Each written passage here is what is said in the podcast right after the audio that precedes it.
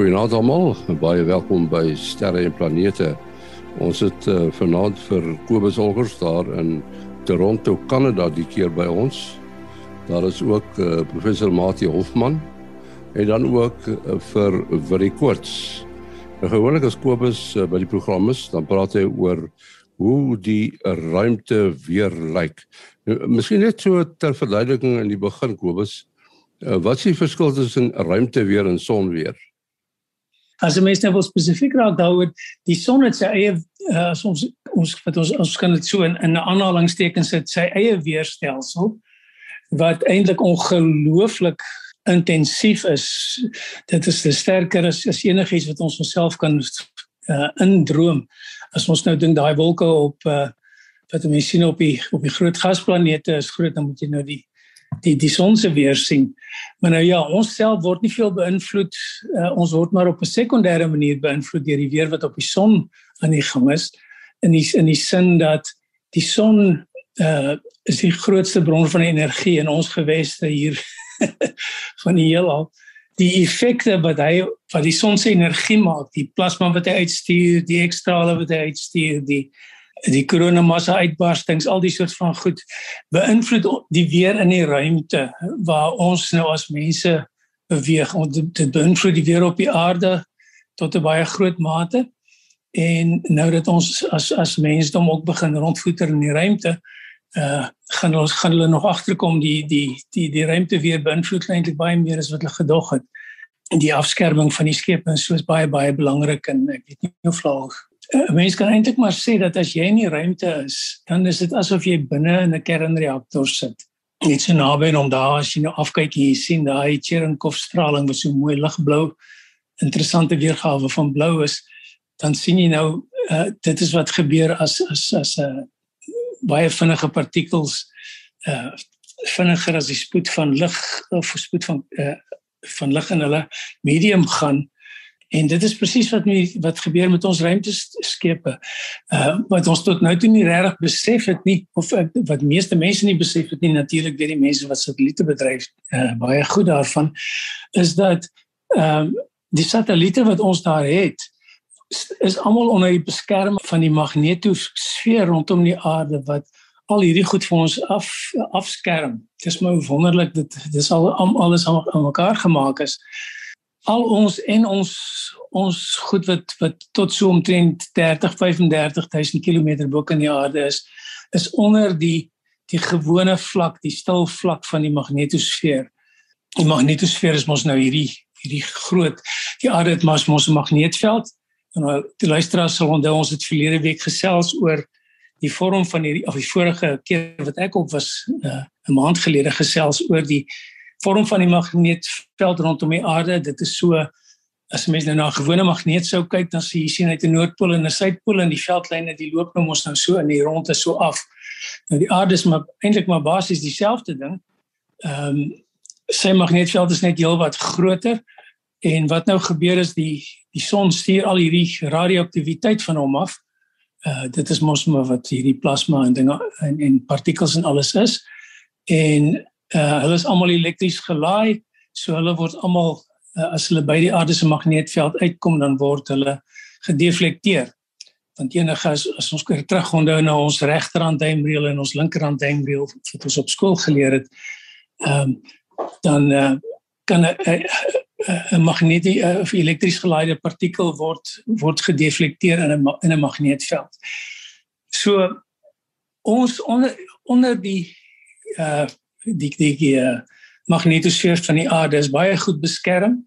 Ehm um, en as mense nou gaan kyk, dan lyk dit soos 'n groot ballon uh wat so rondom die aarde is, maar sy een kant is so met 'n punt getrek, want aan die sonkant van die aarde druk al hierdie radioaktiwiteit kan 'n mens nou maar sê teen die teen die magnetosfeer en dit dit het soveel momentum en energie dat hom dat dit hom heeltemal skeef druk.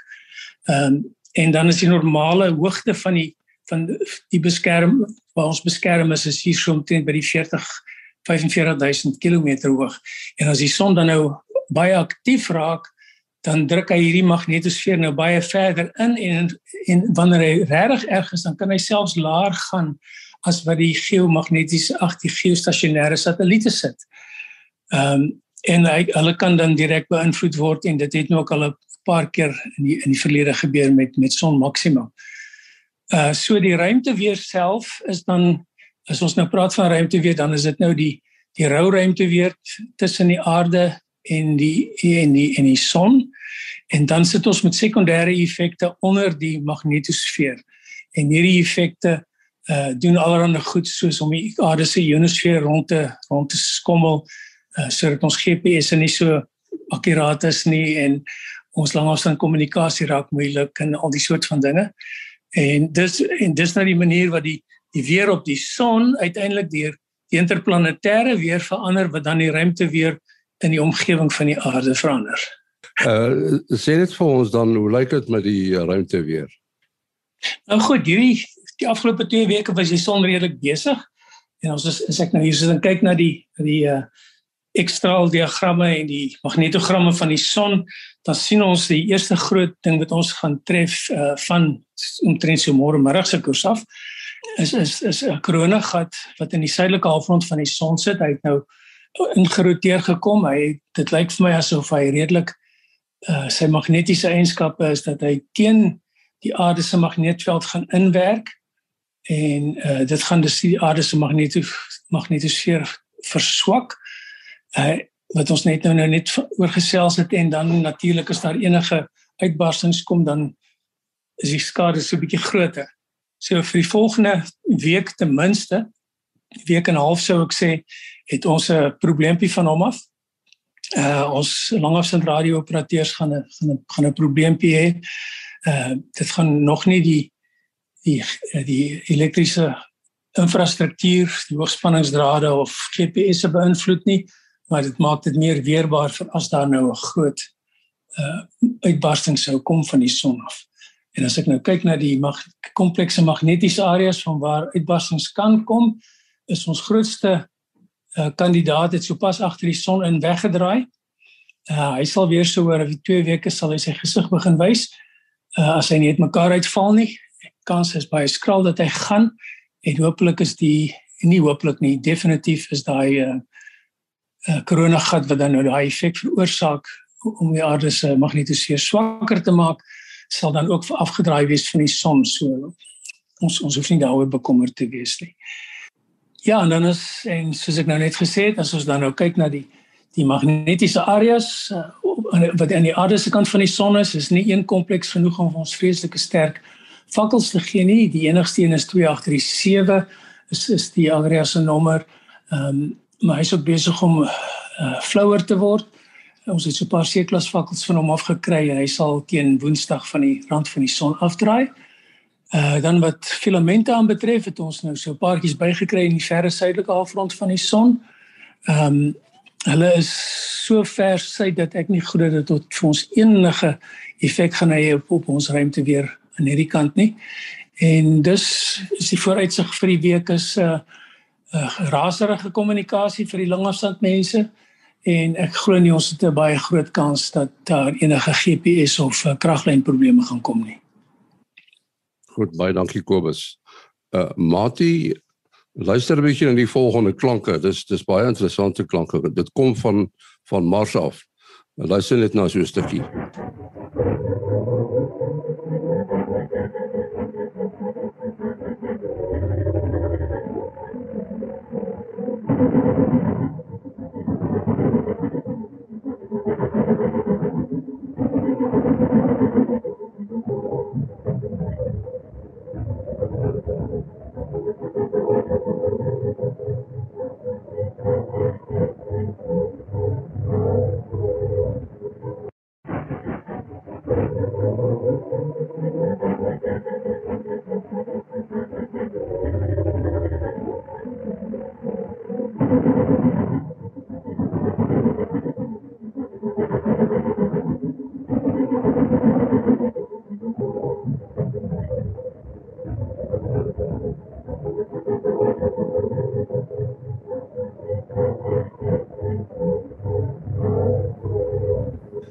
Dit is klanke van die Chinese marstuig, die zhurong. Uh dis uh interessant die klanke wat wat 'n mens daar hoor, né, Mati? Uh ja, ja, nee, ek maak nie heeltemal sin hoekom dit nou klink presies soos dit klink nie. Uh mens moet nou in gedagte hou dat Mars se atmosfeer is baie dunner as uh, as die aarde se atmosfeer, so klank sal nie heeltemal so uh maklik voortplant in Mars se atmosfeer nie. Maar in elk geval dit is uh ook by waardig wat die Chinese nou uh reg gekry het en daar is seker maar so stilweg 'n uh, kompetisie, dalk nie eers heeltemal stilweg nie tussen uh tussen die Amerikaners en uh China. En kompetisie is nie noodwendig sleg nie. Mense hoop dit bly opbouende uh, kompetisie wat tot voordeel van die mensdom en die wetenskap en tegnologie uh sal uitwerk. Uh maar wel dis duidelik dat hulle baie kan vermag, hulle het baie interessante fotos uh ook al uh, teruggestuur. Uh die die Chinese tuig het natuurlik so rukkie na die Amerikaanse tuig uh, geland op 14 Mei uh die jaar en uh ons moet maar uh, uh dophou en kyk wat se ontdekkings uh, hulle gaan maak. Ja, mens moet nou maar kyk, jy weet hoe ver hy gaan ry, hoe lank hy gaan leef, nee. Uh ja, of die die uh, daar's natuurlik baie hoë vereistes uh tegnologies vir die ruimte uh weens 'n verskeidenheid van van redes wat ons oor gesels het, die oor bestralingsvlakke, maar net die ehm um, dit waardeur die tuig moes gaan met die hele sending die die die landing en uh herstel is slegs moontlik deur uh wel sekere dinge kan herstel word as dit by sagte ware en so aankom op die rekenaarstelsels maar andersins uh kan daar nie 'n herstelwerk gedoen word nie en moet daar maar daar rondom gewerk word tot dit nie meer moontlik is nie. Uh ons kan nou byvoorbeeld na daardie Hubble teleskoop kyk wat nou weer uh na baie jare in ernstige probleme is. Ja, terwyl jy daarvan praat, uh Willie, ek sien uh hulle probeer die rekenaars op uh, die Hubble ruimteteleskoop in die gang kry. Uh, dis baie nogal verbasend dat jy dit kan regkry van die aarde af. Maar wat 'n soort skakeling is dit? Uh ja, dis korrek. Die vorige keer het ons ons al daaroor gepraat wat uh hulle van die geheue modules op uh, die rekenaarstelsels van Hubble vermoed het is die probleem hierso en uh, hulle sukkel nou nog daarmee en uh, hulle het nou allerlei toetse nog verder gedoen so dit is 'n interessante scenario dit lyk asof die hoofrekenaar is is heeltemal in orde die rekenaar wat die teleskoop beheer waarmee hulle die teleskoop kan kan uh, deur al sy funksies sit. Uh, ek neem aan dis goed soos filter uh, wiele wat moet verskuif en die uh, verskillende instrumente selekteer ensovoorts ensovoorts. Die lyk ook heel of alles werk en uh, dit lyk asof die en en hulle het nou al probeer van hierdie bystand geheue modules uh, probeer in en uitskakel maar hulle hulle sukkel nou nog en um, dit lyk nou uh daar's nou nog 'n klompie van hierdie rigsteen eenhede wat nou baie lanklaas gewerk het ongelukkig waarna hulle kan terugskakel en dit is nie net so eenvoudig uh, deur net een van die eenhede in te skakel nie dit is allerlei ander modules wat ook moet aan en afgeskakel word. Ja, so jou vraag is is is hoe dit mense so iets op 'n op 'n lang afstand kan doen. Nou ja, Hubble is natuurlik al hier by die 40 jaar oud, so die tegnologie is uit die hart van die saak baie ouer, maar uh, dis nogal soortgelyk aan aan tegnologie wat ons op ons robotiese teleskope gebruik. So uh, ons het tipies teleskope wat ehm um, op afstand beheer word of selfs van op see af en uh, en dan moet jy goed as jy moet byvoorbeeld 'n rekenaar kan uh, reboot wat is die mooi Afrikaans uh, om hom om hom weer aan die gang te kry en en en hoe doen jy dit oor oor so 'n groot afstand en ehm um, dit is natuurlik alles redelik moontlik soos ek met met met moderne en en tegnologie wat ons vandag hierso het. Ehm um, uh een van die van die goeders ek noem ek sien hulle noem dit 'n power control unit, 'n PCU. Ons praat baie van 'n PDU, 'n uh, power distribution unit. Dit is maar dieselfde ding verbeel ek my of skat ek dis net 'n 'n ouer tegnologie wat hulle op Hubble gebruik. Ehm um, waar jy dan 'n uh, dit is amper soos 'n multiplug wat 'n klomp goeders ingeprop is, maar elke uh, uh, prop kan beheer word met 'n netwerkkonneksie wat jy dan vir daai spesifieke prop sê skakel nou af, skakel nou aan. En dis natuurlik 'n baie maklike manier om goederes te forceer om hulle krag aan en af te skakel wanneer die goederes uh honderde of duisende kilometers van jou van jou afsit. So ja, interessante uh, uh klompie verwikkelinge wat nou nog by Hubble aan die gang is.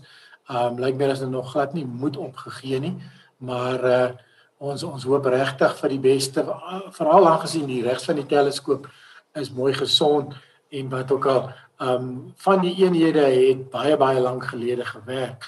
So dit is 'n dit is natuurlik 'n probleem en dit lyk vir my hulle vat die versigtige roete om uh, om om eerder die die tegnologie wat op die oomblik nog um uh, se se toestand uh, uh, uh, wat jy weet by die toestand is om dit eerder nou te skakel as as as die as die eenhede wat nou heeltemal onbekend is vir hulle. Hmm. Uh en ja, ek net 'n interessante uh item wat ek hier raak sien vir van die mense dalk beter geheue as ek ek het dit nou nie so spesifiek onthou nie uh die laaste diensbesoek aan die Hubble teleskoop was reeds uh wel amper 13 jaar gelede 2009 en hulle moes toe uh die is een van die modules wat nou ook verdink word dat dit moontlik die probleem is die command unit science data formatter uh moes hulle toe vervang en hy het in 2008 uh buite werking geraak. So dalk is dit 'n uh, soort gebruikelyke probleem as as toe. In my geval hulle kan nie nou weer 'n diensbesoek onderneem nie. Daar's nie 'n pendeltuig nie en hulle het nie enige uh wens om dit te doen nie want die uh, James Webb ruimteteleskoop gaan hopelik einde Oktober geïnstalleer uh, word. In my geval daardie uh diensbesoek wat hulle toe in 2009 onderneem het, is uh, het 'n baie goeie ekstra myle aan die Hubble teleskoop gegee. As mens nou net gaan kyk na die beelde, wetenskaplike beelde wat verkry is, uh was 600 000 bykomende beelde moontlik gewees van daai datum af teenoor die 1,5 miljoen vanaf uh 1990 of in elk geval so gou as moontlik in die vroeg 1990s wat wetenskaplike data begin uh, inkom het. Uh so dit is 'n baie groot persentasie van die totale werk wat die Hubble teleskoop gedoen het en uh wel dit is duidelik omdat hy so produktief was en vir baie van ons is dit amper die grootste deel van ons volwasse lewe wat die Hubble teleskoop daarbo in die ruimte besig was om ongelooflike ontdekkings te doen. So dis vir ons sinoniem met die sterrekunde. Uh as hy nou die dag nie meer herstel kan word nie, dan is sy nalatenskap geweldig groot, nie net in terme van die wetenskap baie groot ontdekkings wat gemaak is nie, maar ook die uh die impak wat dit gemaak het op die algemene publiek omdat sulke uh ongelooflik skouspelagtige beelde met die Hubble teleskoop verkry is. So van impak gepraat en in van die goed wat hulle in 2009 aan die teleskoop gekoppel het was 'n vuurpyl en uh, uh, uh wat ons noem 'n retro rocket en uh uh um, die ruimte teleskoop is natuurlik groot genoeg om sy val deur die atmosfeer te oorleef of dele daarvan wat beteken dit kan op plek op die aarde val waar jy dit nie wou gehad het nie. So dit is uh gaan uiteindelik gebeur dat hierdie vuurpyl gevuur word en die teleskoop gaan dan beheer afgebring word natuurlik in die see. So dit is net 'n interessante stukkie wat ook in 2009 gebeur het. Ver ek verstaan is die die teleskoop so 'n omgewing van die grootte van 'n bus. Nou nie van hmm. hierdie dubbelbusse wat hier by ons in uh, Bloemfontein rondry, raai nie die sogenaamde treinbusse nie, maar uh hmm. sê nou maar soos uh, een van die busse wat daar in Kaapstad rondry. Goed Kobus, uh, ons het hier 'n vraag van Johan Brummer, die invloed van sonvlekke op uh, wetvlugduwe rigting ensovoorts. Kyk nou net, hier pas ons pas dit nou pragtig aan by wat jy in die begin gevra het en ehm um, oor hoe die son weer nou uiteindelik vir ons hier beïnvloed en kan jy glo dat die weer op die son op die einde van die dag vir dit vir 'n duif kan eh uh, kan laat verdwaal. Nou maar ons moet ons moet so e-, erns begin met die ding die die eerste ding is dat ons nou wel weet dat eh uh, dat duwe en en ander uh diere, uh walvisse en die soort van van uh diere uh het almal die vermoë om om die magneetveld uh van die aarde op te spoor en, en te meet. Om te kyk in watter koers wys hy, hoe sterk hy is en wys hy op, af, links, regs, al die soort van goed. En hulle het nou uh dit in hulle koppe sodat hulle kan navigeer uh tussen winterplekke en somersplekke en die soort van goed. Nou hoe dit presies gebeur, los ons nou maar vir die vir die uh bioloog om om vir ons om vir ons te verduidelik. Ek glo dit het iets met hydroksied partikels of een of ander yster partikels in hulle breine te doen. Maar kom ons los dit nou maar vir daai mense. So, as jy mens dan net kyk na die aarde soos wat hy op die soos wat hy is as as daar nog geen ander invloed is nie, dan het ons 'n uh, 'n kern uh, van van gesmelte dinge en van nie so gesmelte dinge nie baie diep in die aarde wat wat draai. Uh die die kern reken die meeste mense is uh is is is 'n soliede uh, bol yster wat daar in die, in die uh, middel draai maar ons ons weet nie presies nie niemand was nog daar om te gaan meet of 'n monster te neem nie. Uh al wat ons hoef te weet is dat dit draai en ook die die gesmelte gedeelte uh bokant hierdie kern is ook aan die draai en ons weet dat hy ook elektries geleidend is en nou weet ons almal as ons uh, as ons elektries geleidende dinge draai dan dan maak hulle 'n magneetveld soos wat jou jou fiets se se ehm um, se generatorkie maak of jou die die die die die ding wat jy in jou motorkar het wat jou battery laai en al die soort van goed. So op die einde van die dag het ons dus 'n 'n masjien, 'n elektriese masjien wat draai en dit maak die aarde se magneetveld. Nou hierdie ding is baie kompleks daaronder. Ons kan miskien op 'n ander program gesels oor die die uh hoe die magneetvelde wissel, hoe die noordpool besig is om rond te trek en die kanse dat die die noordpool en die suidpool uh weer binnekort gaan omdraai as ek nou sê binnekort dan is dit 'n geologiese tye ons praat van so miskien 300 000 jaar of so. Uh hierdie goed is aan die gebeur. Ons ons sien reeds die effek uh met die Suid-Atlantiese anomalie maar om terug te kom na ons duiwe toe.